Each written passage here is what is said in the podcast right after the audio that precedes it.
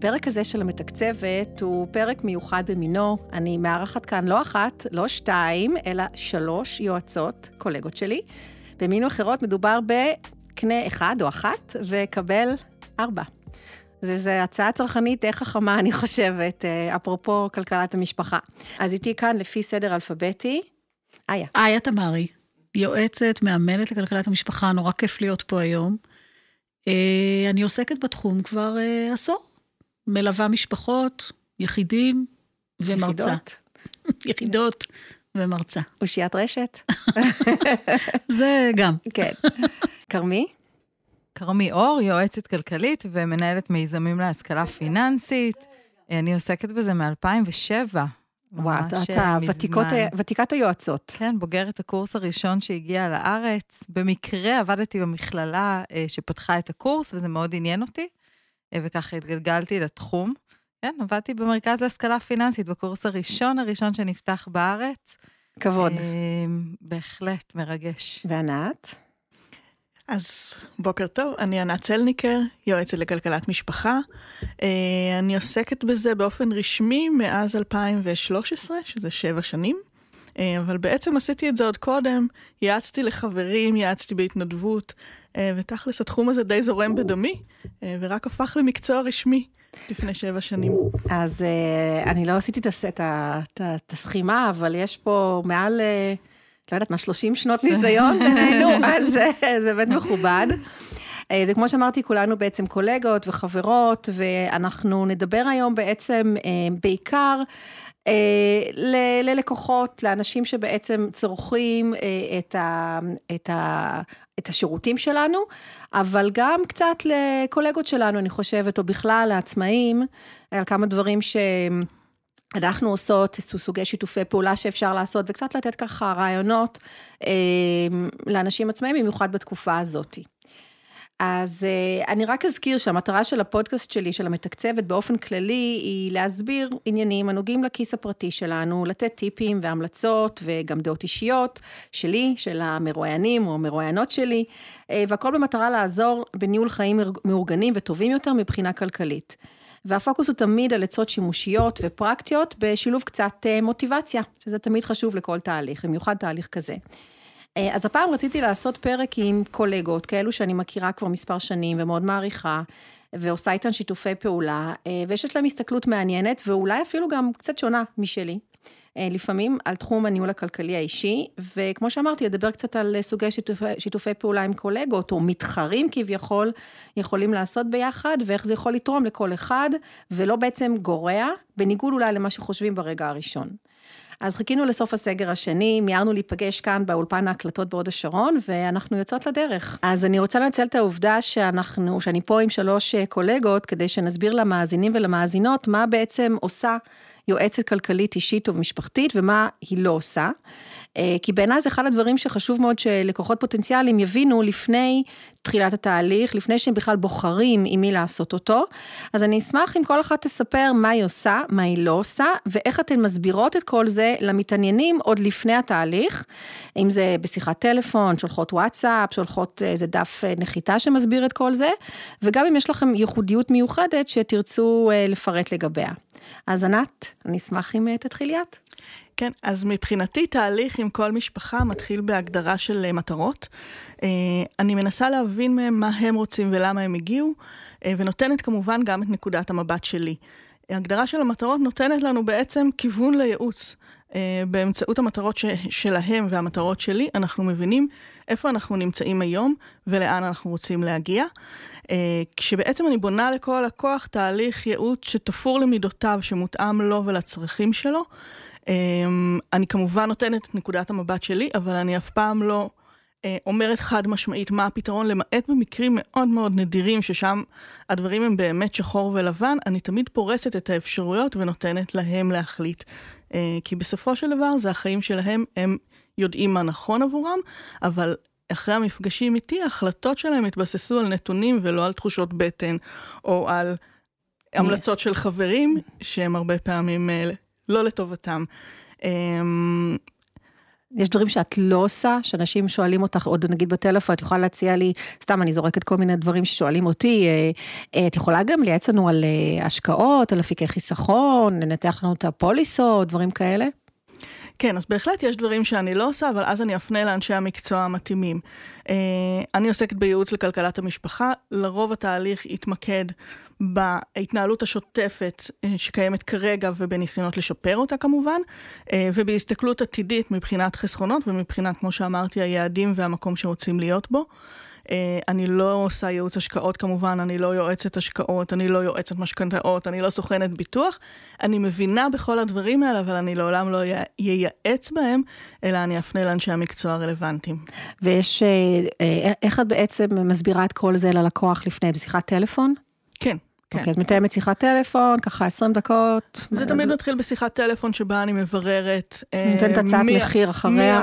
כן, מי המשפחה, כמה ילדים, מקום מגורים, מנסה להבין את המצב הנוכחי. אה, עושה סוג של תיאום ציפיות, אה, בדיוק מגדירה את גבולות הגזרה האלה של מה אני כן עושה ומה אני לא עושה. רואים שזה מתאים לשני הצדדים, ומשם יוצאים לדרך. הצעת מחיר כמובן, ויוצאים לדרך, ובטח גם את מייעצת הרבה בזום, כמו כולנו בימים אלו. היום כן, למרות שאני חייבת להגיד שאני מאוד מעדיפה את המפגש הבין-אישי, זה לא כמו אין כמו מפגש בין אישי. המסך השטוח, אבל uh, בנסיבות, ה, בנסיבות הקיימות, אז uh, כן, וידאו. תודה. כרמי. אז באמת בשנים האחרונות התעסקתי יותר במיזמים גדולים uh, של השכלה פיננסית, בעיקר לצעירים, בין אם זה עם הצבא בשני פרויקטים, בין אם זה uh, מערכת החינוך. אבל לקוחות פרטיים תמיד שמורים לי באיזושהי פינה בלב, ואני כל השנים ממשיכה לקבל את הלקוחות הפרטיים. אני מתעסקת בעיקר באוכלוסייה בריאה. אה, זאת אומרת, אותו תאום ציפיות שענת אה, מדברת עליו, אז אצלי התהליכים הם מאוד מאוד קצרים, של פגישה או שתיים.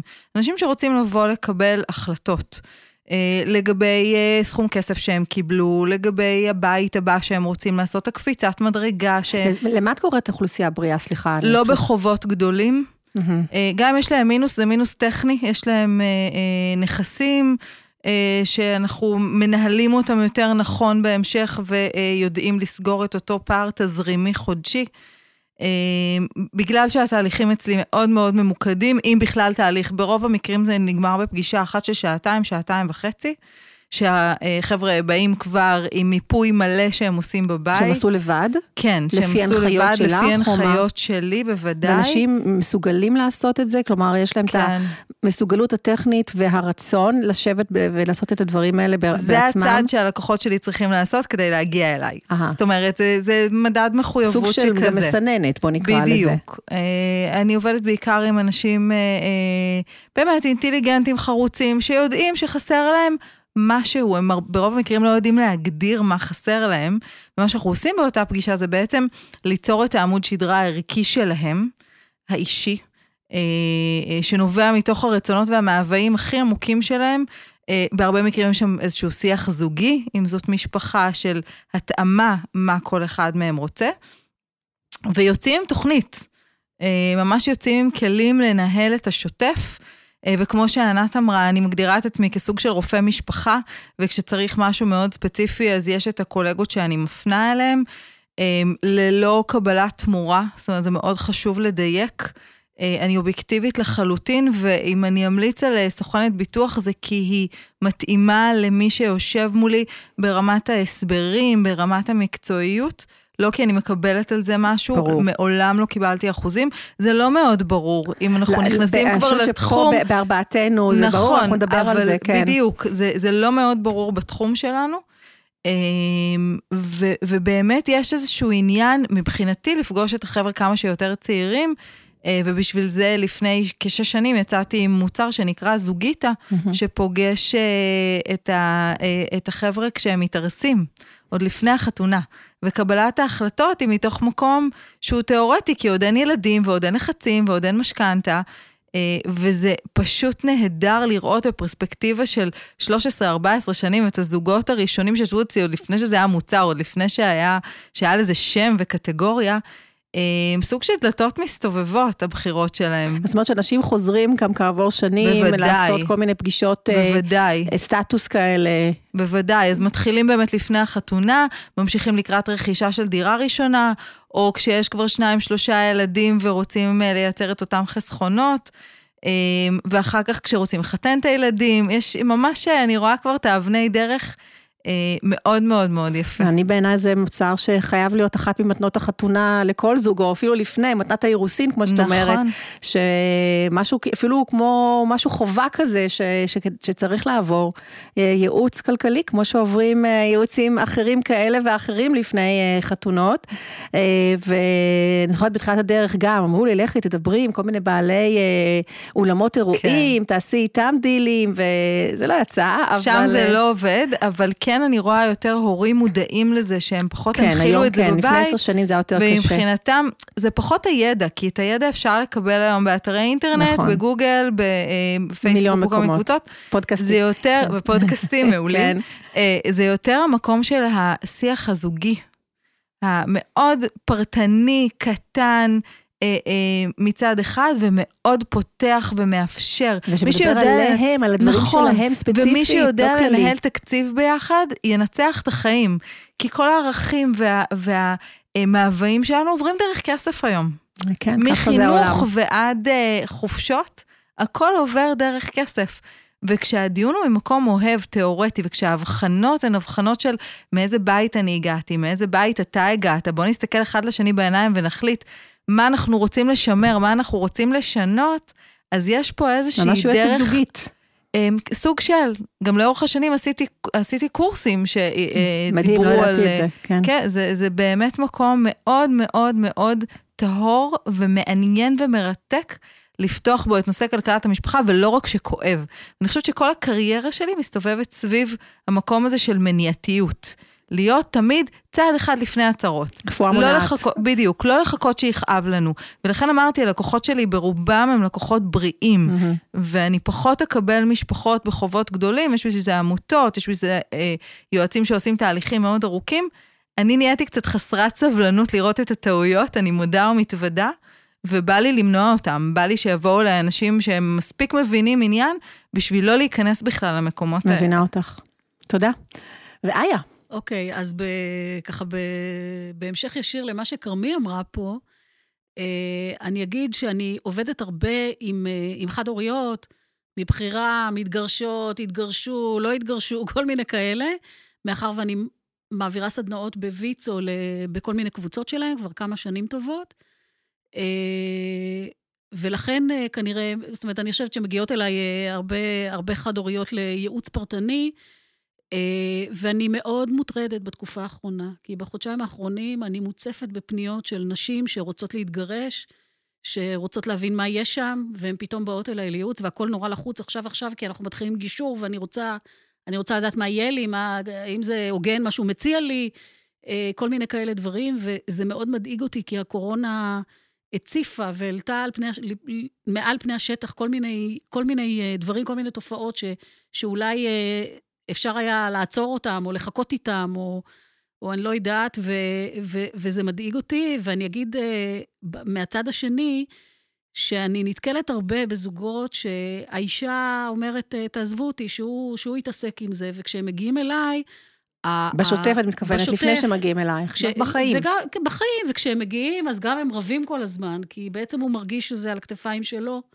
ושהיא לא חלק מזה, וכשמגיעה אישה שבאה להתייעץ, כי היא חושבת שהיא רוצה להתגרש, אבל היא לא פתוחה, והיא היא רוצה לבדוק מה, מה צפוי להיות שם, ואני אומרת לה, תשמעי, גירושים זה לא איזה בוננזה כלכלית, זה לא, זה לא כיף גדול. ואני אומרת, בואי תתחילי לבדוק, תראי על מה אתם מוצאים כסף, כמה עולים הילדים, כמה ההוצאות שלך, כמה עולה הבית, החשמל. ומה קורה אז? הדברים האלה? ואז, ואז כשהיא מתחילה לבדוק, אז פתאום בעלה מגלה שהיא שואלת שאלות ומתעניינת, ופתאום הוא מרגיש שאולי הנטל הכבד הזה מתחלק עם עוד מישהו, ויכול להיות שזה יכול לייצר משהו מאוד חיובי ב, ביחסים ביניהם. אה, ואפילו לשנות את הרצון ול- שלה, לשנות את שלהם הרצון אולי שלה, להיפרד. כי, כי פתאום יש את הביחדנס הזה. תראו, הכס, הקטע הזה של הכסף, אתן כולכן יודעות, הוא, הוא לפעמים נטל לא פשוט, בטח בתקופה הזאת, שיש אנשים נגיד הם לא פוטרו, ונגיד הם לא יצאו לחל"ת, אבל רק הורידו להם 20% מהמשרה, או 20% מהשכר, לא מהמשרה, ואנחנו חיים באיזה מין תקופה משוגעת של חוסר ודאות, והחוסר ודאות הזאת, אנחנו כולנו מרגישים את זה עם הילדים שלנו, ועם הבני זוג שלנו, והמשפחה שלנו והכול. אה, ואני חושבת שדווקא בתקופה הזאת, כשאני מרגישה שיש עוד מישהו שחולק איתי את, ה, את הנטל הזה, אז זה מייצר גם דברים טובים. וחלק מהדברים הטובים האלה זה באמת לנהל את הביחד הזה של הכסף, ואני אגיד עוד דבר. אני מכירה מעט מאוד זוגות, שלפני שהם התחתנו, הם ישבו ואמרו, מה, מה אנחנו מתכננים למשפחה שלנו? אנחנו רוצים שלושה ילדים, אנחנו רוצים לקנות בית ב... אני לא יודעת איפה, אה, אנחנו רוצים שהקריירה שלנו תלך לכיוון כזה. מעט מאוד זוגות עושים את זה, באמת, אני לא חושבת שיש הרבה נכון. כאלה. ולכן אני חושבת שבאמת, אם זוגות מגיעים, כשהם מתארסים, ויושבים ומנהלים איזושהי חשיבה, ברור שבמהלך השנים הדברים יכולים להשתנות. כי אנחנו משתנים, כי נולדים לנו ילדים. לא, החיים דינמיים, ברור. החיים דינמיים, זה ברור לחלוטין. אבל לפחות דיברתם על זה בהתחלה. אבל את החשיבה הזאת, ואת ההסתכלות על הערכים, להבין שאנחנו מדברים אותו דבר. שהרצונות, או לא, או אבל לא, לפחות דיברנו על זה. אבל להבין את זה, שהרצונות שלנו הם פחות או יותר זה, וגם אם לא, אז הוא מבין מה הרצונות שלי, והוא מסוגל לחיות עם זה, כי אם לא, אז זה מאוד בעייתי. זה לא הפתעה פתאום, אחרי כן, כמה שנים ואחרי כמה ילדים. בדיוק, ולכן, ולכן אני חושבת שזה קריטי, מה שאת עושה, כרמי, באמת, ואני, אבל אני חושבת שזה לא מאוחר לא מוכן לעשות את זה גם בהמשך. זאת אומרת, באמת לעצור רגע ולהגיד, אוקיי, אנחנו יושבים עכשיו ומדברים על הדברים. נכון. כי זה בעיניי קריטי. ואת גם עושה, כמו שאמרת, שאת עושה הרצאות אה, בוויצו, את עושה הרבה מאוד הרצאות. אני, אני יודעת עושה הרבה הרצאות, שאת אני... המרצה מבין כולנו, גם, לא, גם כרמי, כולנו עושות הרצאות, כן. אבל את ידועה בהרצאות הרבות שאת מעבירה. אני מרצה אה, כל ארגון שרוצה, שרק קורא לי, אז אני באה. כן, מתייצבת. אני מרצה באיזשהו מקום. את גם מאוד אוהבת את זה. אני מאוד אוהבת את זה. אה, אני מרצה פעם בחודש בפני הייטקיסטים שפוטרו מעבודתם. יש כל הזמן כאלה. Mm-hmm. אז גם עכשיו בקורונה, אני... בזום. בזום, כן, זה פחות, פחות כיף. כן. אבל אני, אני בהחלט עושה את זה. וכמו שאמרנו כאן, גם את לא מתעסקת באופן ישיר בנושא של ביטוחים לא, והשקעות ומשכנתאות. לא, אני מפנה לאנשי מקצוע. את יודעת, בדרך לפה, כשעצרתי פה בחנייה, פנתה אליי מישהי בפייסבוק, והתקשרה אליי. והיא אמרה לי, תראי, אני אימא יחידנית, ויש לי ילד, וקיבלתי עכשיו ירושה, ואני לא יודעת מה לעשות עם הכסף. אז אמרתי לה, את, את עושה ייעוץ בעניין הזה? אז אמרתי, בואי תתקשרי, והיא התקשרה. ואז היא אמרה, אה, אני, אני מתנהלת uh, מצוין, אין לי מינוס, אני חוסכת כסף, אני חוסכת לפנסיה, אני עובדת, הכל בסדר, אבל קיבלתי עכשיו איזו ירושה ואני רוצה לעשות משהו עם הכסף. אמרתי, אוקיי, נפנה אותה למישהו שמתעסק עם נדל"ן, כי היא חושבת על זה, מישהו mm. שמתעסק עם השקעות, תלכי לשם, אני לא... כן, לא, אז... לא, אה, לא אאנוס אותך לבוא לאיזה פגישת ייעוץ סתם, זה, זה בעיניי אה, מיותר, אז, צריך להבין את המטרה. נכון. אז באמת, אנחנו, נראה לי שאנחנו פחות או יותר אה, הבנו את הייחודיות של כל אחת, ובאמת, כמה שאני מכירה אתכם, תמיד מפתיע עוד פעם החידוד הזה של שכל אחת עם הנישה שלה. גם לי יש את הנישה, אני כן, אני כן, בניגוד אלייך, כן עושה תהליכים, גם, גם עושה תהליכים ארוכי טווח. יש לי לקוחות של שנים, שאני מלווה אותם שבוע-שבוע שנים. אה, זה בדרך כלל אנשים מפרופיל מסוים אה, של או מבוגרים עם כסף שפשוט לא רוצים או לא יכולים, כל העולם הדיגיטלי הזה מאוד קשה להם, אז אני עוזרת להם אה, להתנהל בתוכו ולנהל את, את, את כספם ואת כל העניינים המשיקים לזה, ויש לא מעט, אפילו לפעמים עניינים בריאותיים. כאלה ואחרים, בקשות של אה, כל מיני אה, קצבאות, דברים כאלה שפשוט, גם אם יש להם ילדים, לא תמיד ילדים פנויים לזה, בדרך כלל ילדים בעצמם מגדלים ילדים, אז יש לי הרבה כאלה, בעלי עסקים עצמאיים, שגם...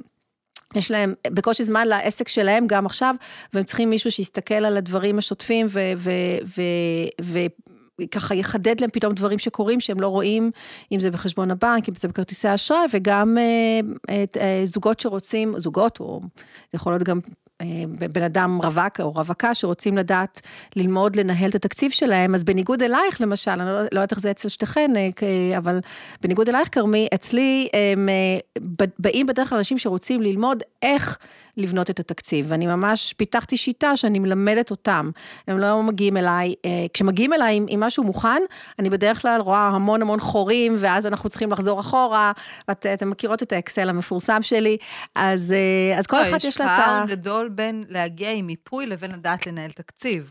אני לא מצפה שלקוח יגיע אליי כשהוא יודע לנהל תקציב, הרי בשביל זה לא, הוא אבל הוא מגיע צריך אליי. להגיע עם המיפוי של אבל עם עצמם. המיפוי ההיסטורי של כן, מה הוצאתי בשלושה חודשים האחרונים, מה הנכסים, מה ההתחייבויות, אה, בהחלט אני מצפה שלקוח ידע, אחרי ההנחיה שלי, להוציא את הניירת, לעבור שורה-שורה, להכניס לטבלה המעצבנת הזאת, אה, אה, שמגיעים איתה בדרך כלל מודפסת, כדי שנוכל לקשקש עליה ולעשות אה, סדרי עדיפויות מחודשים. אה, כן, זה חלק כן, מה, אז זה, זה אצלי בדרך מהעשייה. כלל, אנחנו בונים את זה ביחד. זה, אני מאוד מאוד אוהבת אקסל, ואני מאוד אוהבת לבנות את זה יחד אוי. איתם. לא לצחוק, אני, אוי, אה, לא, זה- אני זה האקסל, מצוין. זה, אם- היה אפשר להתחתן עם אקסל. אמ, לא גוגל שיט, אגב, לא, לא מתעסקת איתו כמעט. אבל אה, זה, לי זה מאוד עוזר ככה לראות את האקסל על ה... אה, על ה... את השחור על האקסל, מה שנקרא, כדי לעשות סדר אצלי בראש, ואז אני יכולה גם לעזור להם. אז כל אחת עם הייחודיות שלה, ואני חושבת שזה חשוב לחדד את זה ולהבין, גם כשאנשים רוצים אה, להתחיל תהליך ולבחור יועץ או יועצת, לעשות את השיחה הזאת כדי להבין האם זה הבן אדם ש, שמתאים לי. גם מבחינת הכימיה, כבר בטלפון אפשר להרגיש את זה, אז אה, צריך מאוד אה, לשים לב לדברים גם האלה. מבחינת ערכים, אני חושבת שיש עניין, איפה גדלת, מאיפה באת, ומי היועץ שאתה לוקח. נכון. זאת אומרת, אה, אני רואה לא מעט אנשים שהולכים ליועצים שהם אה, מוצאים בפייסבוק או בפרסום, ובעצם מעבירים ביקורת על דרך החיים שלהם.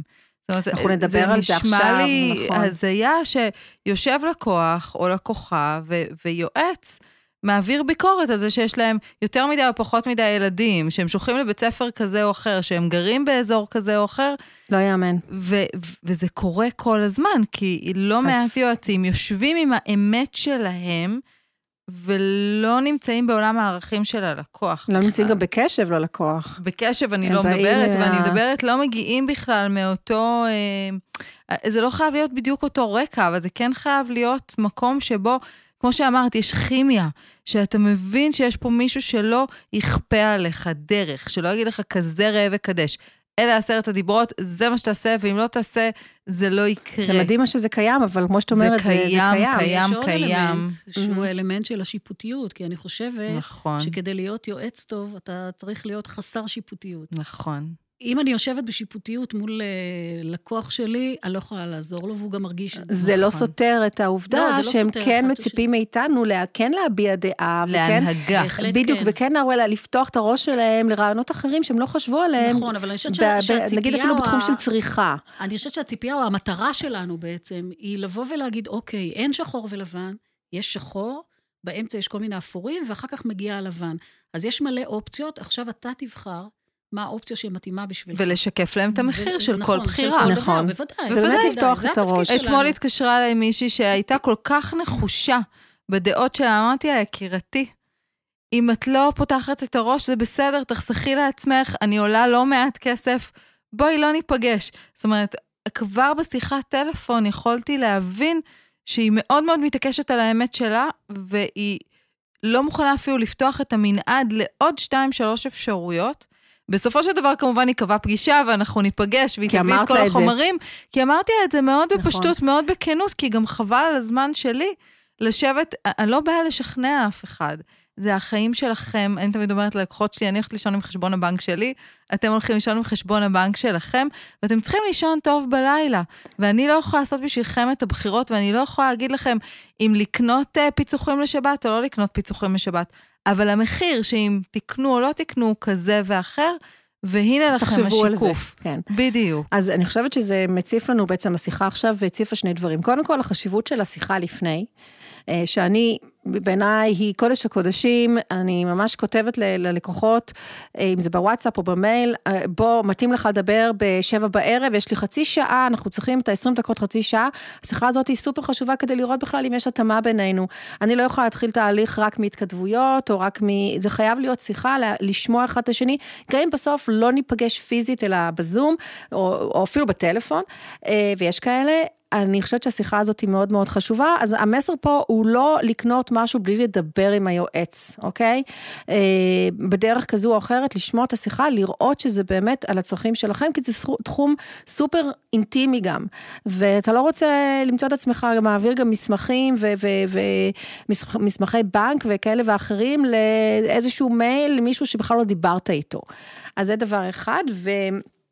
אה, כבר הנושא הבא שאני רוצה שבעצם נדון בו, זה שבאמת בשוק שלנו, כמו בכל תחום היום, יש המון דרכים ללמוד ובתקווה גם להגיע ליעד. מספרים, דרך אתרים, קורסים רגילים, פרונטליים, קורסים אונליין, סדנאות, הרצאות, אפליקציות, בלוגים, אה, סרטונים ביוטיוב, ייעוץ אחד על אחד או אחד על שניים או אחת על שניים, קבוצות פייסבוק שיש המון, קבוצות וואטסאפ שיש גם בתחום שלנו, אה, וגם קורסים וייעוצים חינמיים או מאוד מאוד זולים דרך כל מיני עמותות, כמו שאמרת כרמי.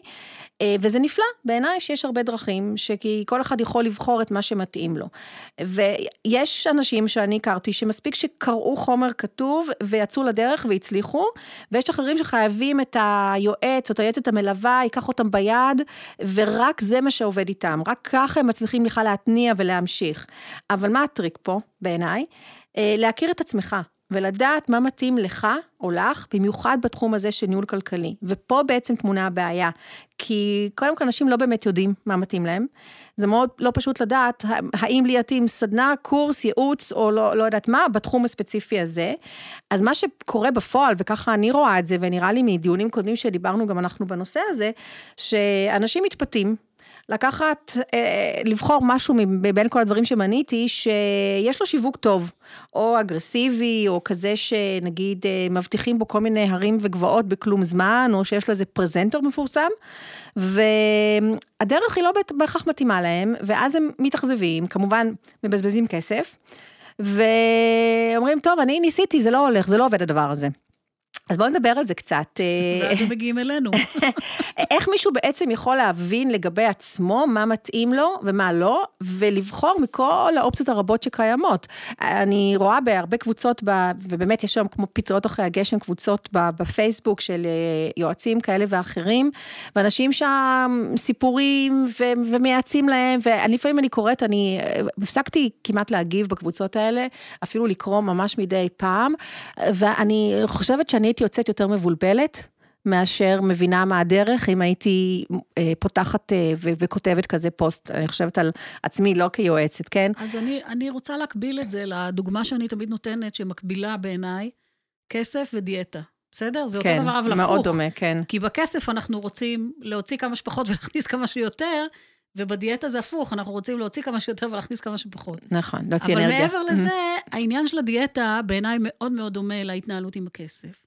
ואני אגיד כזה דבר, הרי כול, אם אני רוצה לעשות דיאטה, אני יודעת, אני כבר קראתי את כל המאמרים האפשריים, ואני יודעת שצריך לאכול הרבה ירקות, ואני יודעת שצריך לאכול, סתם אני אומרת, פחות פחמימות, ואני יודעת שצריך לעשות את יודעת הכל, שהכל, יש קראתי. מודעות, זה הצפה. הלכתי לדיאטנית, עשיתי איזה סדנה, נרשמתי לאיזה משהו, ראיתי איזה תוכנית בטלוויזיה. בסוף, רק אני יודעת מה מתאים לי, ללכת לדיאטנית, אה, לעשות לבד, לקבוע עם איזה חברה ולעשות את זה ביחד, זאת אומרת, כל אחד מתאים לו משהו אחר. אז מה, זה ניסוי וטעייה, את אומרת? אני חושבת? שכן, אבל אני חושבת שאנחנו כבני אדם, ככל שאנחנו בוגרים יותר, אנחנו יודעים מה מתאים לנו, כל אחד יודע מה מתאים לו. יש אחד שאומר, אוקיי, אני, יש לי משמעת עצמית, אני עכשיו מחליטה לעשות דיאטה, היא עושה דיאטה, והיא מצליחה לרזור, לבד. ולשמור על זה, רק- והכל סבבה. אבל יש מישהו אחר שאומר, אני לא מסוגל לעשות את זה לבד, אני צריך את הליווי. כן, לוקח זמן יבוא. להגיע למודעות נכון. הזאת. נכון, אבל אני חושבת שבסוף אנשים שמגיעים כבר ומרימים טלפון ורוצים לבוא לייעוץ, אני, אני גם, כרמי אמרה שהיא לא משכנעת אותם, גם אני, אני לא מתקשרת לאנשים ומנסה מנסה לשכנע אותם להגיע אליי. כשהם מתקשרים אליי, זה בעיניי כבר סימן שהם שהם מבושלים. את הצ... הם, הם פחות או יותר מבושלים, אולי הם לא סגורים על עצמם לגמרי, אבל הם מבינים שהם רוצים לעשות שינוי, והם מתקשרים אליי כי הם רוצים שאני אעזור להם. זאת אומרת, הם מבינים שכנראה לבד, קשה להם לעשות את זה. אז איך את, איך את מסבירה, ענת, את ריבוי הקורסים? אני, אני רואה המון קורסים היום, כי זה נורא טרנדי לעשות קורס אונליין, אז גם בתחום הזה יש את הקורסים, ואנשים משווקים אותם, והם לא, הם לא זולים, הם אפילו לפעמים מאוד יקרים, ואנשים אה, סופר מתפתים. כן, אני חושבת שקודם כל, אה, יש ארגונים ויש מנטורים שמשקיעים המון המון המון כסף בשיווק, ובאמת מפתים אנשים, הם לוחצים על הנקודות הכואבות של אנשים, ומפתים אותם במיוחד בתקופה כזאת, שבאמת יש המון אי ודאות ונורא קשה, ויש אבטלה, ואנשים מרוויחים פחות מפעם, והכל נהיה מאוד מאוד אה, אחר ושונה, ואנשים פשוט מתפתים. אבל אני חושבת שאין תחליף לליווי אישי. ואת יודעת מה, באמת, כלים אפשר להשיג אין ספור באינטרנט. ובחינם. ובחינם. נכון. יש קובצי אקסל, ויש אפליקציות, ויש קבוצות uh, פייסבוק, ויש קבוצות וואטסאפ, ויש באמת המון המון המון אפשרויות, ויש עמותות שנותנות ייעוץ בחינם. Uh, אבל אני חושבת שאין תחליף לליווי אישי. Um, אני רואה את זה קצת כמו אימון כושר. אתה יכול להתחיל לרוץ לבד, אתה יכול להתחיל להיכנס לכושר לבד, עם יוטיוב, עם אפליקציות, למצוא באינטרנט כל מיני הדרכות, אבל בסוף, אם תרצה לרוץ מרתון או לעשות איש ברזל ובאמת להגיע להישגים משמעותיים, אתה תיקח לא רק מאמן אישי, אתה תיקח צוות שלם, מאמן אישי ומאמן מנטלי ופיזיותרפיסט. כן, לא כל אחד יכול להרשות לעצמו. לכל ההיבטים. Mm-hmm. זה נכון, ולכן אני מסכימה איתך שזה טוב שיש את האפשרויות.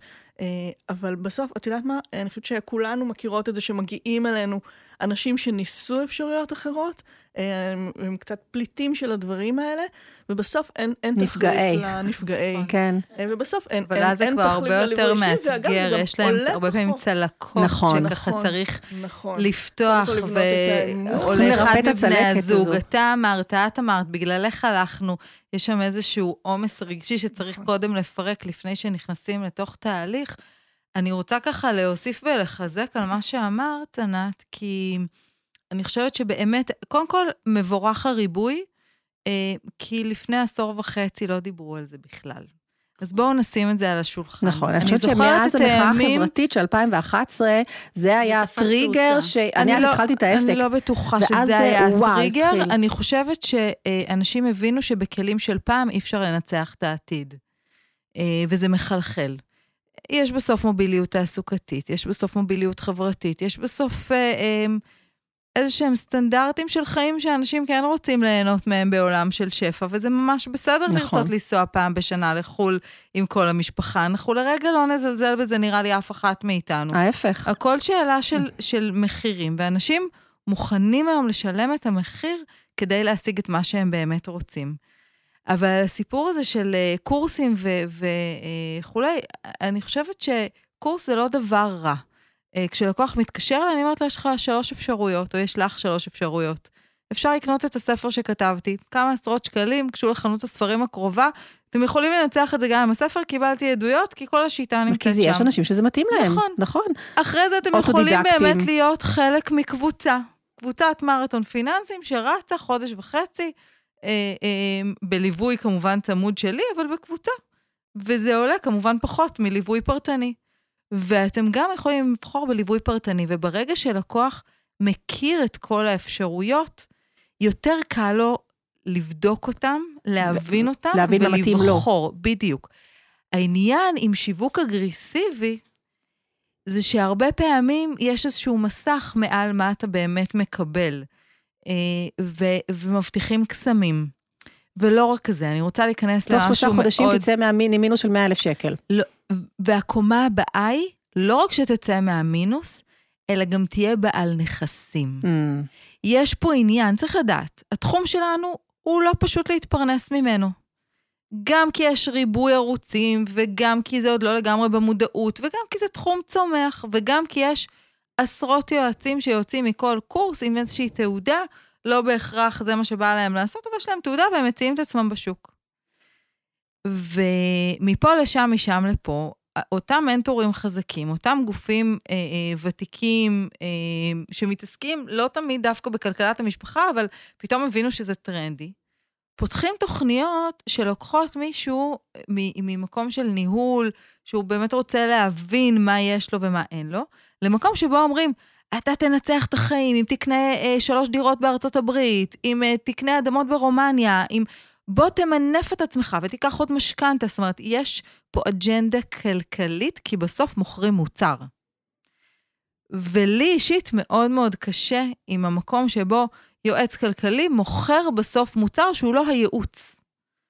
אה, מצד שני, אנחנו באמת מכירים את אתגרי הפרנסה ואת אתגרי השעה, וזה לגיטימי, כמו שבנקים מתפרנסים מזה שהם נותנים בדיוק, הלוואות. בגלל זה הנקודה היא שאתה צריך, או את צריכה, להכיר את עצמך נכון. לפני שאת בוחרת אבל גם ולעשות... לדעת מה נותנים שם.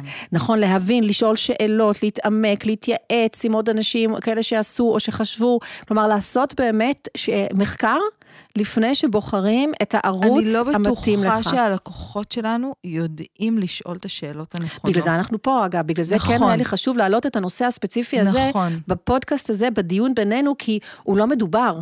הוא לא מדובר, אנחנו מדברות על זה בינינו ב- בוואטסאפ שלנו אולי, מדי פעם, אני יודעת, כרמי, את מעלה פוסטים ככה, קצת לוחמניים, ואני תמיד, אני כותבת לך, וואי, בדיוק המחשבות שלי, וטוב שהעזת לכתוב את זה. אבל, אה, אבל בגלל זה רציתי, כשתכננתי את הפודקאסט הזה, כן להעלות את הנושא הזה, כי שוב, גם אני לא נגד קורסים, ואני מבינה מאיפה זה מגיע וה- והכל, אבל אדם צריך להכיר את עצמו, ו- וכן, אני דוחפת? אנשים, גם כאלה שמתקשרים אליי, אני אומרת, אני מקווה שדיברתם או אתם מדברים עם עוד יועצים, תעשו מחקר לפני שאתם סוגרים, זה משהו מאוד מאוד קריטי לחיים שלכם, זה לא... ללמוד עכשיו, לא יודעת מה, איזה תוכנה גרפית. אתם נכנסים פה לפרויקט של החיים שלכם. אז תעשו שיעורי בית לפני שאתם בוחרים, אל תזלזלו, ב... כמו שאתם לא, בדרך כלל אנשים לא מזלזלים בקניית דירה, למרות שגם כזה אנחנו רואים, שירידי מכירות, אתם זוכרים את ה... לפני הקורונה, ירידי מכירות דירות, מוכרים אותם כמו לחמניות, ואני תמיד אומרת, איך? אבל אתם עושים מחקר, אתם בודקים המון פרמטרים, גם פה תבדקו טוב, טוב, טוב. כמו ב, גם, בדרך כלל אנשים בודקים גם ב... לא יודעת מה, לפני שהם לוקחים מעצבת גן פנים, לילדים. כל דבר, או גן או מטפלת, קחו, תעשו פה שיעורי בית. נכון. אל תתפתו רק בגלל שראיתם איזה פרסומת נוצצת אה, שעלתה לכם באינסטגרם.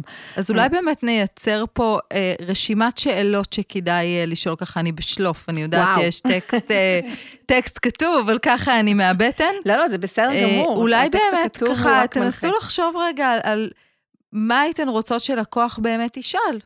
אתכן, את הקולגות, שאלה את מה ה... המטרה של הלקוח. או, אם- אז זאת שאלה ראשונה. כי אם הלקוח בא בשביל להבין איך הוא סוגר את המינוס, אז השאלה שהוא צריך לשאול, האם אחרי הדבר הזה אני אצליח לסגור את המינוס? זאת אומרת, האם אני אקבל את הכלים שיעזרו לי לסגור את המינוס? אז, אז באמת אולי השאלה הראשונה היא, מה המטרה? המטרה של חד-הורית שמגיעה אלייך, לפעמים מאוד שונה מזוג שמגיעים אליי. נכון, ולכן הם מגיעים אליי והיא מגיעה אלייך. נכון. אז, אז באמת השאלה הראשונה אולי, בואו נרשום לעצמנו ככה איזה כן. טיפ, זה, זה מה המטרה של הלקוחות. אם רוצים ליווי ארוך טווח של מישהו שיחזיק להם את היד, אז דבי מתאימה הרבה יותר ממני. אם הם רוצים אה, לבוא לעשות אה, שיח על גירושין, אז יכול מאוד להיות שאיה מתאימה יותר. ואם הם רוצים לבוא וללמוד רגילים חדשים, אז יכול להיות שענת הרבה יותר מתאימה. אז השאלה הראשונה, זה באמת מה המטרה. נכון, מה תשאלו השאלה את עצמכם השנייה? מה, מה המטרה.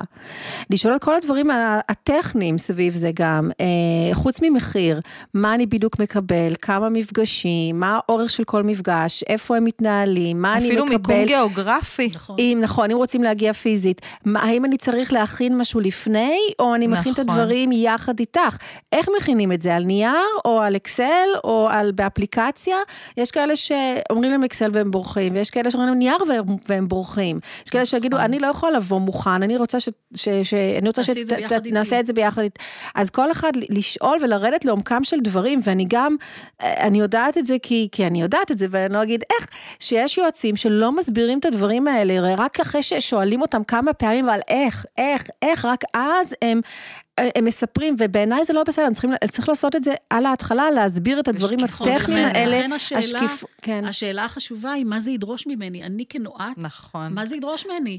אני כן, ולא לקבל לבוא- תשובות כאלה של כל מיני מילים אני צריכה למלא יפות. את האקסל לבד, את עושה את זה בשבילי, זאת אומרת, יש לזה מחיר. דרך אגב, יש יועצים שעושים את האקסל בשבילי, אם אני נכון, אני- מבקשת וזה סבבה. אני תמיד אומרת ללקוחות שלי, כן. "אה, יש אפשרות, יש לי מתמחה, תמורת איקס שקלים הוא ימלא בשבילכם את הדוחות. אני מציעה לכם בשיטה שלי ללכת את זה זה ברגליים, כן. ולהגיע עם איזושהי אה, תובנה ככה של מה זה דרש מכם.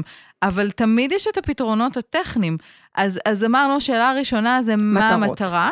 השאלה השנייה זה מה קורה בפועל ומה נדרש מהלקוח, גם מבחינת מחיר, גם מבחינת... אה, אה, תהליך. לוגיסטית. נכון, מבחינה לוגיסטיקה, טכנית, אני קוראת ואני לזה חושבת טכניקה. שהשאלה השלישית, שאולי ככה סוגרת מעגל, זה מול מי אני עומד. האם זה שיש לעסק שלך שם נורא נורא יפה, אולי אני לא אקבל אותך, אולי אני אקבל נכון. מישהו אחר, כן. אה, שלא בהכרח אה, מציג את הדברים כמו שאת דיברת. אה, האם זאת את שתעשי איתי את נכון. הפגישות? מי ינהל מולי את המסע, את ה... את, את, נכון. מי יהיה שם? את כן, הזה. את המסע נכון, הזה שאני זה- הולך לעבור. כי- ו- ו- ואפילו יותר מזה, אה, מי האישיות שלך, הספציפית, כי, כי אנחנו כן מתחברים בסוף לאנשים. וזה עסק של אנשים. אז, אז בסוף, בסוף, אני חושבת שגם תחושות הבטן הן חשובות. לגמרי. ומעבר לכל מה שאמרתם, הייתי שואלת את היועץ או היועצת גם על הניסיון שלהם, כי זה נורא נורא נורא חשוב. נכון. יש באמת יועצים שעכשיו סיימו קורסים, אז הם יכולים להיות נהדרים ועם יחסי אנוש מצוינים, אבל הם עוד לא ראו מספיק, הם עוד לא עברו דרך. ויש אנשים שזה מתאים להם. אין להם את הראייה מספיק רחבה. נכון, יכול להיות שיש אנשים שזה מתאים להם. ויש מקרים מורכבים שפחות. אבל בסוף בסוף, תתחברו לתחושות שלכם ותראו מי, מי מתחבר אליכם ברמה האישית, מי עושה לכם טוב. ועוד נכון. בדברים הטכניים אני רוצה להוסיף, וכמובן שאני מסכימה עם כל מה שאמרתן, אה, ואנחנו, אני גם אכתוב את זה בשואו נוטס, בפודקאסט, כי אני חושבת שזה חשוב שזה גם יהיה מול העיניים, אה, שנגיד נושאים של זמינות.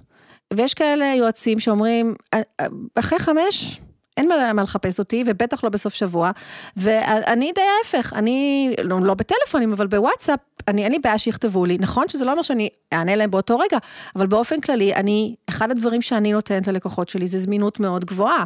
ואני יודעת שלפעמים הם יושבים, סליחה, בשבת בבוקר ועובדים על הדברים, ואז פתאום יש להם שאלה טכנית, והדבר האחרון שאני רוצה זה שהם ייתקעו. ואם הם שולחים לי וואטסאפ ואני יכולה באותו רגע לענות להם, ואני בדרך כלל יכולה לענות בלי לצאת מהמיטה, מה שנקרא, אני לא צריכה להיכנס למחשב כדי, אני אעזור להם, כי אני רוצה שהם יתקדמו, ויש כאלה שיגידו, אין מה לחפש אותי. נכון. עכשיו, מי שזה מתאים לו, סבבה, מי שלא, נכון. שישאל את השאלה הזאת, מה הזמינות. אני אז... תמיד אומרת שהרבה יותר קל לדבר איתי בשתיים בלילה מאשר בשתיים בצהריים. אז הטלפון שלי ישן על שקט, בצ'אט ותשלחו מתי שאתם רוצים, גם בשתיים בלילה, כי לפעמים אני באמת הרבה יותר זמינה בשתיים בלילה. בדיוק, ו- ומה שדיברנו גם בהתחלה, גם לדעת מה היועץ כן יכול לתת לך ומה לא. נכון. כי לא כל יועץ, יש כאלה שכן, הם גם יועצים לכלכלת המשפחה וגם יועצי, יועצי משכנתאות. ואולי כן שווה נכון. לבן אדם ללכת לאחד ולא לפזר את זה עכשיו על שניים.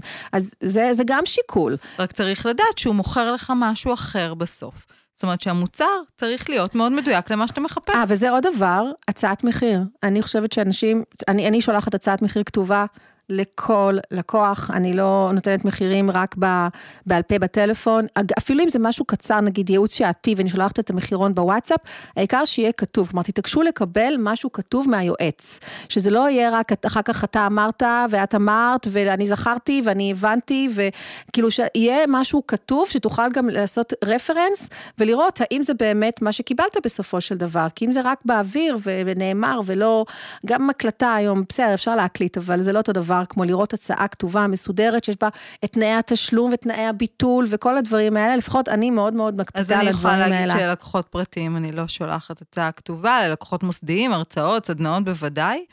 אה, לקוח פרטי מגיע, הוא יודע כמה עולה הפגישה, ואני תמיד אומרת, הפגישה הזו מנותקת לחלוטין ממה שתרצו או לא תרצו אחר כך. זו פגישה שבעיניי אתם מקבלים בה לא את כל תהליך. הכלים, כי זה לא אני תהליך. אני לא מדברת על פגישות, פגישות חד פעמיות זה משהו תהליך, אחר. אם בונים תהליך, וקורה לפעמים שכן בונים תהליך, אז אנחנו קודם נאפיין מה אנחנו רוצים מהתהליך הזה, ואז באמת אפשר יהיה לקבוע כמה זה יעלה ואיך אתם מלווים. אבל ברוב המקרים, לקוחות מגיעים אליי לפגישה שתיים, מבחינת תשומות הזמן שלי. אני לא מציעה הצעות מחיר ללקוחות פרטיים, הם שואלים אותי בטלפון, אני גובה פר פגישה, תבואו לפגישה אחת, תחליטו שאתם רוצים להמשיך, סבבה. תבואו לחמש פגישות, המחיר הוא אותו דבר, אין, אין הבדל. אז, כן. אז, אז רגע, וענת, איך זה אצלך? אצלי אני מתמחרת תהליך, אני מעט מאוד פעמים שולחת הצעה כתובה, לרוב זה באמת טלפוני. אמ, כמובן, חוץ מהרצאות לארגונים שאז זה אחרת, אבל לאנשים פרטיים אני, אני לא מוצאה הצעות כתובות. אז אצלי אני הצעות מחיר תמיד כתובות, אלא אם כן זה פגישה חד פעמית, ואז אני פשוט שולחת אה, מחירון, ומה דיברנו ככה פחות או יותר בוואטסאפ, שיהיה, כן. אני אוהבת את התיעוד הזה גם בשביל עצמי. לא, אז, אז בוואטסאפ בוודאי, למתי קבענו, איזה שלי. יום, כמה זה יעלה, והנה לינק לתשלום, בוודאי. לא, אני, לי חשוב שלא יהיו, אמ, שיהיה תיאום ציפיות, שלא בטלפון נגיד משהו אחד, והם הבינו איכשהו משהו אחר, ואז יגיעו, ומה, את לא מייעצת גם על השקעות? לא, אבל אמרתי לך, אה, לא זכרתי, לא שמתי לב, כאלה. אז אני אומרת, סתם כדוגמה, בסדר? אז, אה, אז אם לבן אדם ש... אני חושבת שזה חשוב, כל אחד ש... עם ההחלטה שלו, אם מישהו חושב שזה לא חשוב לו לקבל הצעת מחיר כתובה, סבבה. אני אומרת, מי שחשוב לו... זה באמת מאוד תלוי ש... אה, אה, ב... בעומק התהליך ובסדרת המפגשים, אני חושבת, מה שאת מייצרת, ככל יותר תהליכי... זה מוצר שהוא באמת מאוד מאוד מיוחד בשוק, בזה שאת... מלווה אנשים לתקופות מאוד מאוד ארוכות. לא, גם יש לי תהליך של קצר של חמישה מפגשים, אבל גם הוא, בגלל שהוא עדיין תהליכי ויש פה כניסה מאוד עמוקה, ו- ויש הרבה פרמטרים שיכולים לזוז, ומניסיון, פשוט מניסיון של אנשים שפתאום אמרו, אבל לא אמרת לי את זה, ואז אמרתי, וואי, איך לא כתבתי את זה בהצעה? אז מאז הכנסתי את הדברים האלה להצעה, ואין, אה, והם גם חותמים כמובן על הסכם כשאנחנו מתחילים, ולי זה חשוב גם כשאני עובדת מול כל מיני ספקים, לקבל הצעות מחיר כתובות, שלא יהיה, שלא יהיה אחר כך אי הבנה, אמרת לי, לא אמרת לי, הבנתי, לא הבנת. אז, אה, אבל אני אומרת שוב, כי דיברנו על הרשימת אה, שאלות, אז אם זה חשוב לך, תבקש הצעת מחיר כן. כתובה, זה מה שאני אומרת. נכון. אוקיי, אז נושא הבא, אמ, האתגרים של העבודה שלנו עם לקוחות, ואיך אנחנו מתגברות עליהם, במיוחד בייעוצים של האחד על אחד.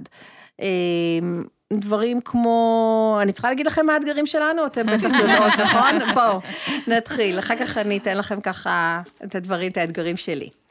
אה, ענת, האתגרים של העבודה שלנו עם לקוחות. יש הרבה אתגרים. אמ, אני אולי אזכיר כמה עיקריים. אני חושבת שאחד האתגרים העיקריים זה באמת, כמו שכרמי הזכירה ממש בהתחלה, לגשר על פערים בתפיסות העולם, בדעות, בערכים. אה, כשאנשים מגיעים אליי לפחות, הם כבר אנשים באמצע החיים, אנשים שכבר יש להם משפחה וילדים וכבר ראו דבר או שניים בחיים, אה, וכבר נוצרו הפערים האלה.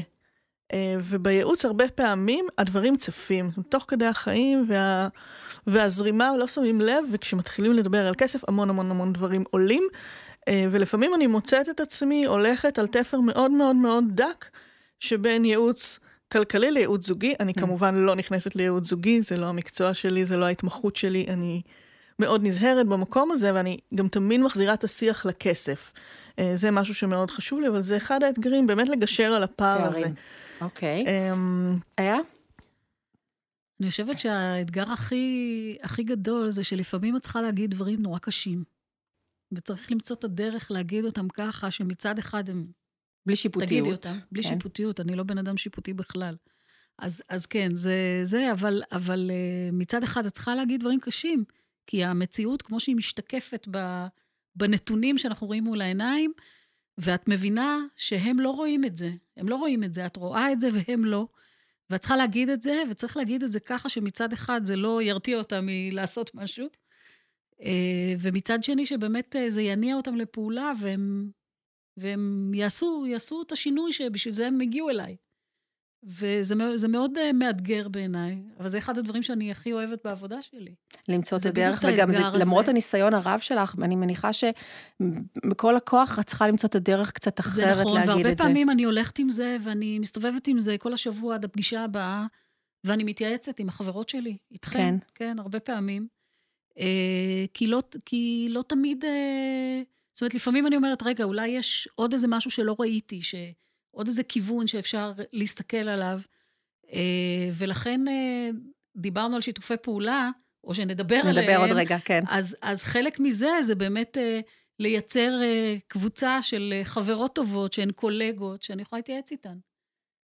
כדי באמת במקומות האלה, הכי כדי להגיד את הדברים בצורה הנכונה, הספציפית לדילמה של להביא- אותם או- לקוחות. או- תראו, השכל הוא לא אצל אף אחת מאיתנו. ולפעמים יש עוד הוא איזושהי. זווית, או אצל כולנו ביחד. אבל נכון, זה לא שאצלי זה באופן בלעדי, או אצלך זה באופן בלעדי, ולכן חס וחלילה. חלילה, כן. ולכן אני, אני חושבת שהרבה פעמים, גם אם אני מנתחת איזה משהו עד, עד דק, כאילו, מהמם. כן, יכול להיות שיש עוד איזה זווית או שתיים שלא ראיתי אותם, הם התחבאו לי. התחבאו מאחורי זה, לא ראיתי את זה. ואם אני פותחת את זה לשאלה לקולגות שלי, אז הרבה פעמים הן לא מקובעות כמוני על לא, יש- הפתרון שאני או נותנות לך מצאתי. זרקור אחר, נכון, בדיוק. והן רואות את זה ממקום אחר, ואז אז זה פותח עוד איזה משהו, אה, אה, וזה בעיניי האתגר האתגר. המשמעותי. ומה אם נגיד דברים כמו אה, קושי של יישום המלצות על ידי הלקוחות, ההתמדה בתהליך, שהוא לא, לא מהיר, הוא לא פשוט, צריך מוטיבציה לאורך זמן. את נתקלת בזה? איך את מתגברת על זה, כרמי? אז שוב, אני פחות עושה תהליכים ארוכים, אז... אבל הם אה, חוזרים ברוב- אלייך, הם- אה, מדי כן, פעם. אבל ברוב המקרים הם מגיעים כבר כל כך מבושלים, שהם באמת עושים את מה שאמרנו.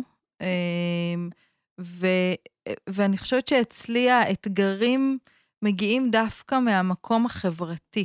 של התבניות חשיבה והתבניות התנהגות שהלקוחות מגיעים איתם, שככה צריכה להיות חתונה, וככה Mm. צריכה להיות אה, דירה, וככה צריכים להיות ילדים, וככה צריכה להיות קריירה. ואני חושבת שהאתגר הכי גדול של הדור הזה, שהוא דור במנעד מאוד רחב של, אה, של אתגרים, אבל אה, של העידן הנוכחי, זה באמת אה, לשדל את הלקוחות להיות עצמאים בחשיבה שלהם. חשיבה עצמאית, כן. כן, שמה שמתאים להם לא מתאים לשכנים, ומה שמתאים לשכנים לא מתאים יש להם. יש את, הכוחות של השיווק, שהם די מנסים אה, לגרום לכולנו להיות אותו דבר. כאילו מבחינת תקנו, תקנו, תקנו, ואתם כן, חייבים, חייבים, חייבים. כן, מה הופך אותך לאימא טובה? תיכנסי לחנות, תקני צעצועי התפתחות, אה, תשלחי לחוג מסוים, תעשי... יש לנו המון תבניות שככה צריכים החיים להיראות. איזשהו מסלול כזה שהוא הוא, הוא אמור להיות לכולם, ואם אתה במקצוע מסוים אז אתה נחשב מצליחן, אם אתה במקצוע אחר אתה נחשב משהו אחר, למרות שלא בהכרח. אם היה לנו ש... זמן לספר את הסיפור האישי של כל אחת מאיתנו, אז היינו בעצם מגלות, אולי זה פודקאסט אחר, איך כל אחת מאיתנו בעצם שברה המון המון תבניות ממה שמצופה. נכון, סליחה שקטעתי נכון. אותך, אבל אז, זה אז בדיוק בא לי בראש. אז באמת אני חושבת שזה האתגר הכי גדול שאני מתמודדת איתו. אה, שבירת תבניות. בייעוץ, בהרצאות, בבניית תוכניות, אה, אותו אה, מציאת העמוד שדרה האישי, הזוגי, המשפחתי, אה, ביחס למה שקורה מסביב, ביחד למה שאבא ואימא שלי לימדו אותי, ביחד למה שלמדתי בבית ספר, ביחס למה שלמדתי בשכונה. אני חושבת שזה האתגר הכי גדול, ומבחינתי מי שרוצה ליישם, אני חוזרת לשאלה שלך, יישם. ומי שלא, זה גם בסדר. גם אני הלכתי ללא מעט ייעוצים. ששקלתי אותם אחר כך, ואולי פתחו לי איזשהו אפיק, ואולי מתוך הרצאה שלמה לקחתי משפט אחד, וזה גם בנה נכון. עוד איזושהי קומה, וגם לבחור לא לעשות, כשאתה יודע את המחיר, זאת בחירה. וזה באמת באמת בסדר מבחינתי, אני לא מרגישה שאני יועצת פחות טובה אם מישהו לא יישא משהו שדיברנו עליו בפגישה. כי אנחנו עכשיו יותר מודעים לרווח ולמחיר, וזה בסדר גמור לא לקום בבוקר ולצאת לריצה, גם אם החלטתי שעכשיו אני רוצה לעשות את זה. זאת אומרת, יש פה אה, אה, התמודדות מאוד מאוד אישית, שמי אני שאשפוט? הם באו, הם יודעים, הם מכירים עכשיו יותר, ויכול להיות שהם ישלפו את זה בעוד שנתיים. נכון. אז זה באמת החשיבות גם של הטיימינג, של להגיע נכון, לייעוץ כזה, נכון. בטיימינג הנכון, ולא תמיד קולעים בול, מה לעשות, לפעמים נורא נורא רוצים, מתחילים, כמו שאת אומרת, זה, עשה, זה עושה משהו במודעות, אבל הפרקטיקה מתחילה רק כעבור זמן. זה בסדר זמן. גמור, כל עוד זה יושב את ה-back over their minds, כמו שאנחנו אומרים, ונוכח שם. נכון, אין ספק שאנחנו פותחים שם. זה מצב הרבה יותר טוב מאשר, והם גם יודעים אחרי זה להרים טלפון. ישבנו אצלך לפני שנה וחצי. נכון. עשינו ככה וככה, 50 אחוז, 40 אחוז, 30 אחוז, בא לנו עכשיו את הקומה הבאה, אנחנו באים עוד פעם, זה זכור לנו לטוב. עכשיו מצחיק, יש לי בדיוק כמה לקוחות כאלה שהיו אצלי ב-2018, בדיוק שנתיים, שעכשיו עכשיו חוזרו. כן, ו- ודווקא, לא יודעת אם זה הקורונה, אבל אה, שזה, כאילו, מה קרה? כאילו, עברו שנתיים, כנראה לוקח זמן להתבשל. ממש אתמול בבוקר התקשרה אליי מישהי ש... באמת, לקראת רכישת דירה, ואמרנו, אל תפתחי קרן השתלמות, כי אנחנו יודעים שזה פטור ממס וכו' וכו' וכו'. אל תפתחי. היא אומרת לי, תקשיבי, כרמי, אני מרגישה עומס עם זה שאני הולכת לקחת יותר הלוואות, ויש לי נכסים. אמרתי לה, משחררת. אמרתי לי, לא, אני רק רוצה את החותמת שלך. אמרתי לה, אם את תשני יותר טוב בלילה, את מספיק צעירה, את תצברי עוד קרן השתלמות, המחשבות והדאגות הרבה יותר לא יקרות שווה. מאשר שעכשיו אה, לא תקבלי תשואה או פטור ממס, או... תפתחי את הקרן השתלמות. זה בסדר נכון. גמור. אבל זה על רקע שאנחנו כבר מכירות, ועל רקע שאני יודעת מה מצבה הכלכלי, אני יודעת שזה לא יפיל אותה. והיא יודעת מה המחיר, נכון, זה בחירה מתוך מודעות. והיא, נש... פתאום שמעתי אותה נושמת, היא הסתובבה כבר שבועיים בבטן עם זה שכרמי אמרה, לא לפתוח קרנות השתלמות, כי חבל על התשואה ועל המיסוי. זה מראה כמה, זה כל כך אינדיבידואלי. נכון. כל כך אינדיבידואלי, ואי אפשר לקחת ולהכליל מכל מיני דברים נכון. שקורים. זה כל דבר, גם בנושא של הקפאת משכנתאות, יש כאלה שזה בדיוק היה הפתרון בשבילם. נכון, נכון למרות שלרוב האנשים זה לא היה, אבל יש כאלה שזה באמת שחרר להם מצוקה מאוד נכון, נקודתית. אני גם לא... חושבת שההמלצות שלנו הן לא תמיד כלכליות פרופר. או, הן רגשיות הרבה, הרבה פעמים. פעמים. נכון, הרבה פעמים מתחברות דווקא למקום של הרגש, של החלטות שנכונות לבן אדם, וזה לאו דווקא הדבר הכלכלי לעשות. בדיוק, כי זה באמת לא, לא טהור רק כלכלי. נכון, מאוד נושא האחרון שלנו, לפני שאנחנו מסיימות את הפודקאסט הסופר מעניין הזה בעיניי, אה, ונגעת בזה, איה, קודם, הנושא של אה, שיתופי פעולה בין קולגות. איך עושים את זה נכון, כל מיני דוגמאות של דברים שאנחנו עשינו ביחד, איך זה תרם לכל אחת, חסרונות, אם יש. אה, נשמח לשמוע מכל אחת מכן. אני היה? רוצה להתחיל. תתחילי, בבקשה. לא, אני רוצה להגיד, כי בתחילת הדברים, את אמרת שיש תחרות מאוד גדולה, יש הרבה יועצים, ואני רוצה להגיד שאני לא מאמינה במילה תחרות, כי אני חושבת שיש מקום לכולם. ואני חושבת שבסוף כל נועד שמגיע אליי, או מגיע אלייך, או אלייך, או אלייך, הוא, יש לזה סיבה, זה לא סתם. יש לזה דיוק מסוים. בסדר, אני לא mm. בן אדם רוחני, אבל אני לגמרי אה, חושבת שבסוף, מי שמגיע אליי, מגיע אליי מאיזושהי סיבה, וגם אלייך, אה, ואני חושבת שיש מקום לכולם. והנה, אני נתקלת, יש לי איזו חברה שהיא מתעסקת בתחום, אבל כשמגיעה אליה מישהי שרוצה להתגרש, היא אומרת, לא, לא, לא. אני לא מתעסקת בזה, תלכי לאיה, והיא שולחת אליי. ואותו דבר אה, גם אני, שולחת את האנשים שמתאימים לפרופיל שלה, שאני אומרת, היתרון שלי פה הוא פחות, אה, פחות מורגש. אצלה mm-hmm. הם ירגישו יותר טוב, ואני, ואני שולחת, ואני חושבת שהשיתופי פעולה האלה הם מאוד חשובים. או אם שואלים אותי, יועץ בירושלים, ישר אני מפנה לכרמי. נכון. כי ברור שלמי אני אשלח, זה ברור לחלוטין. אה, אז, אז זה לגבי זה, אני באמת מאמינה שיש מקום לכולם, ואני, ליבי... שמח, כל יועץ שמצליח להתפרנס מהתחום הזה, אני ממש שמחה בשבילו, באמת. את אמרת קודם, כרמי, שזה תחום שמאוד מאוד קשה להתפרנס בו. אה, אני מסכימה עם זה, אני חושבת שצריך מאוד להתמיד, צריך להיות מאוד אמיתי, צריך להיות הוגן אה, כלפי הלקוחות שלך. לא, לא לחפש לא. קיצורי דרך, אני לגמרי מסכימה איתך. אנחנו, אה, בינינו עשינו כל מיני שיתופי נכון. פעולה משיתופי פעולה כאלה ואחרים. אפילו הייתה תקופה שהקמנו איזו קבוצה כדי להביא הרצאות. אמרנו, אנחנו רוצות לשמוע. הרצאות שמעניינות אותנו, נביא עוד יועצים, ו... אה, ועשינו את נעשה, זה. הייתה תקופה שעשינו את זה, וזה היה, נכון. זה היה מקסים בעיניי. וגם יש קבוצת אה, הוואטסאפ של יועצים, יש, ל... יש לנו את היועצים קבוצת... שלנו, נכון. שיועצים ללא גבולות. ואני חושבת שהעניין כן. הכי, הכי, הכי חשוב הוא ש... אני חושבת, אני חושבת שכל אחת מכן מרגישה את זה במקום שלה, של להיות עצמאי ויועץ, זה מאוד לבד הרבה פעמים. כי את לבד, את צריכה לקבל החלטות לבד ולעבוד לבד, ואם את לא תעשי, אף אחד לא יעשה בשבילך. למצוא את המוטיבציה ל... נכון, ולכן אני חושבת שהדרך שבה אנחנו מצאנו, אה, באמת אה, להיות בכל, בכל מיני קבוצות וואטסאפ ולדבר אחת עם השנייה. להתייעץ ולעשות פרויקטים משותפים. היה לנו נורא נכון? כיף בפרויקט משותף. נכון. איה נכון. ואני עבדנו בפרויקט משותף, והמלצנו אחת על השנייה, כן. וככה גם נכנסנו לאותו פרויקט. וזה היה, באמת, הייתה חוויה נדירה נכון, בעיניי נכון, של נכון. שיתוף. את עשית מה שאת חזקה בו, ואני עשיתי את מה שאני יותר אה, נכון. מבינה, ו- והיה בעיניי מנצח. אני חושבת שלקוחות גם צריכים להבין שמתוך ההיכרות שלנו עם השוק, אנחנו מספיק אותנטיות כדי להגיד להם, תקשיבו, יש מישהי שיותר מתאימה, או אלה ההבדלים ביני ובינה. נכון. כי דיברו גם איתך. וגם איתי. כן, נכון. וכן, ואנחנו... שמה, מה שאז אנחנו עשינו ביחד, באמת, יש בינינו הבדלי השקפה. נכון. ולכן... אה, וגם הבד... הבדלי תפקוד. נכון. איה מאוד דידקטית ומסודרת, ואני מהבטן תמיד. קצת פחות, אל תהיי... אז, אז אני חושבת ש, שבאמת כשאת יודעת להגיד, תראי, אני חושבת ככה, אבל אני יודעת שכרמי או ענת או... או, או דבי אה, חושבות אחרת, וכדאי גם לשמוע מה הן אומרות, אני חושבת שזה מביא משהו נוסף לתוך, כן. ה, לתוך הדבר הזה, וגם הידיעה ל... ש, שאני לא פה לבד, את זוכרת, הייתה איזושהי כן. הרצאה שלא יכולתי להגיע להרצות, כן. וחבל לי שסתם עכשיו הם התבחבשו עם מישהו שהם פנו אליי, הם רוצים את האיכות ואת היכולות שלי. אז למה שאני לא אמליץ על מישהי שאני יודעת שנותנת תפוקה מעולה, ושהיא תקבל את העבודה, ואני יודעת שאני לא לבד בעולם הזה. שיש על מי לסמוך, שמישהו לא יחטוף לי איזשהו פרויקט, כי יש בינינו אמון, אלא שכרגע לי פחות מתאים, נכון. כי ילדתי, כי אני נוסעת לחו"ל, כי לא יודעת מה. נכון, ואני מעבירה, אני חושבת נכון. שיש... הקולגות שאספתי לאורך השנים, ואני באמת מהראשונים בתחום, יקרים לי מפז. אנשים שהם אנשי אמון, לפעמים מגיעים קרובי משפחה שלי. שלא רוצים לפתוח איתי, שואלים שאלה וזה, ואז אני מתוך הדברים מבינה שהם צריכים משהו קצת יותר עמוק. ברור שאני אשלח אותם לקולגה.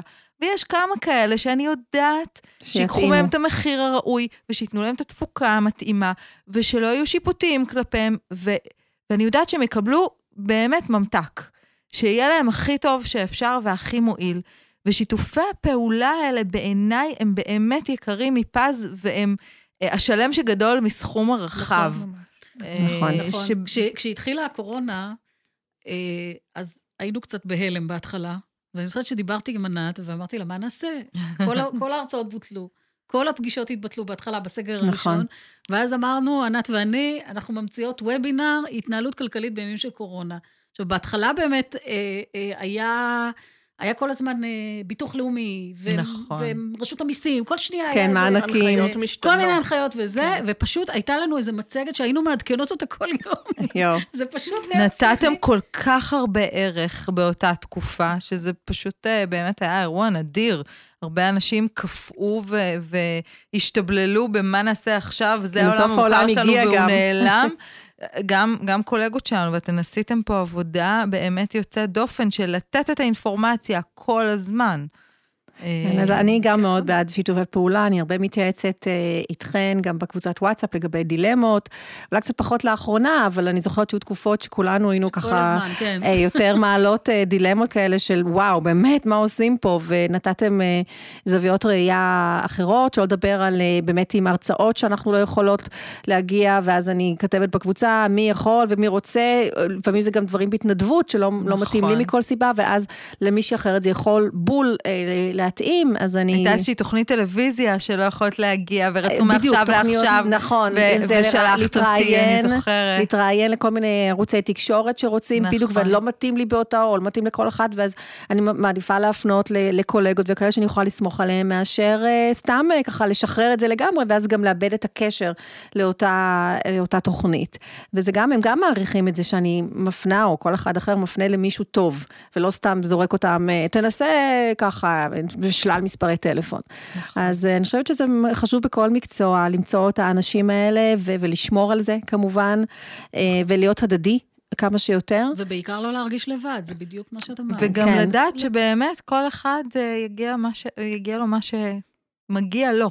נכון. אה. ולא להיות צרי עין, יש המון, אה, גם בתחום שלנו ספציפית וגם בכלל, אנחנו כולנו ישראלים טובים, יש כזה של שמור לי ואשמור לך. לא, לא, צריך לפרגן, זה טוב כן. לקמטים. לא, זה נהדר, זה באמת נהדר. בסוף ששיתוף הפעולה הוא כן. טוב, אז באמת השלם הוא גדול מסכום נכון. חלקה, וכולם מרוויחים. כולם מרוויחים. גם הלקוח וגם אנחנו. כן, וגם מהפודקאסט הזה אני בטוחה שירוויחו, ואנחנו צריכות אה, באמת לסיים אותו. דוגמה מעולה לשיתוף פעולה. זה, זה קלאסי, לגמרי. אני באמת אה, מאוד מעריכה שכולכן הגעתם עד לפה, זה לא מובן מאליו בכלל. אה, אז אני מקווה שהפודקאסט הזה, הפרק הזה, יגרום למאזינים, למאזינות, לחשוב על הדרך המתאימה להם לבצע תהליך כלכלי, האם הם בכלל צריכים, האם זה נכון עכשיו להם לעשות את זה, להבין שזה פרויקט, בדרך כלל זה ארוך טווח, או לפעמים זה ייעוצים קטנים שהם צריכים, ואז הם גם יודעים למי לפנות. ובאופן כללי, אני מזמינה את כל מי שמאזין לעשות פולו לפודקאסט שלי, אה, לקבל התראות על פרקים חדשים, עולים בערך פעם בחודש, או לחפש המתקצבת בכל אפליקציית פודקאסטים, אה, ולהגיד לכם תודה רבה, ולכל מי שהאזין, והיה לי כיף, וגם פתח לי קצת יותר את הראש, אני חייבת להגיד כמה שאני מכירה אתכן. אה, אין כמו ככה לדוש בנושא כזה לעומק ובפתיחות, אז תודה רבה. תודה לך על האירוע. ועד הפרק הבא, להתראות. זו שוב אני, דבי, מקווה מאוד שנהנתם, ושתתחילו ליישם. מוזמנים להירשם לקבלת עדכונים ממני על פרקים חדשים. כל מה שצריך לעשות זה ללחוץ על כפתור ה subscribe. נתראה בפרק הבא.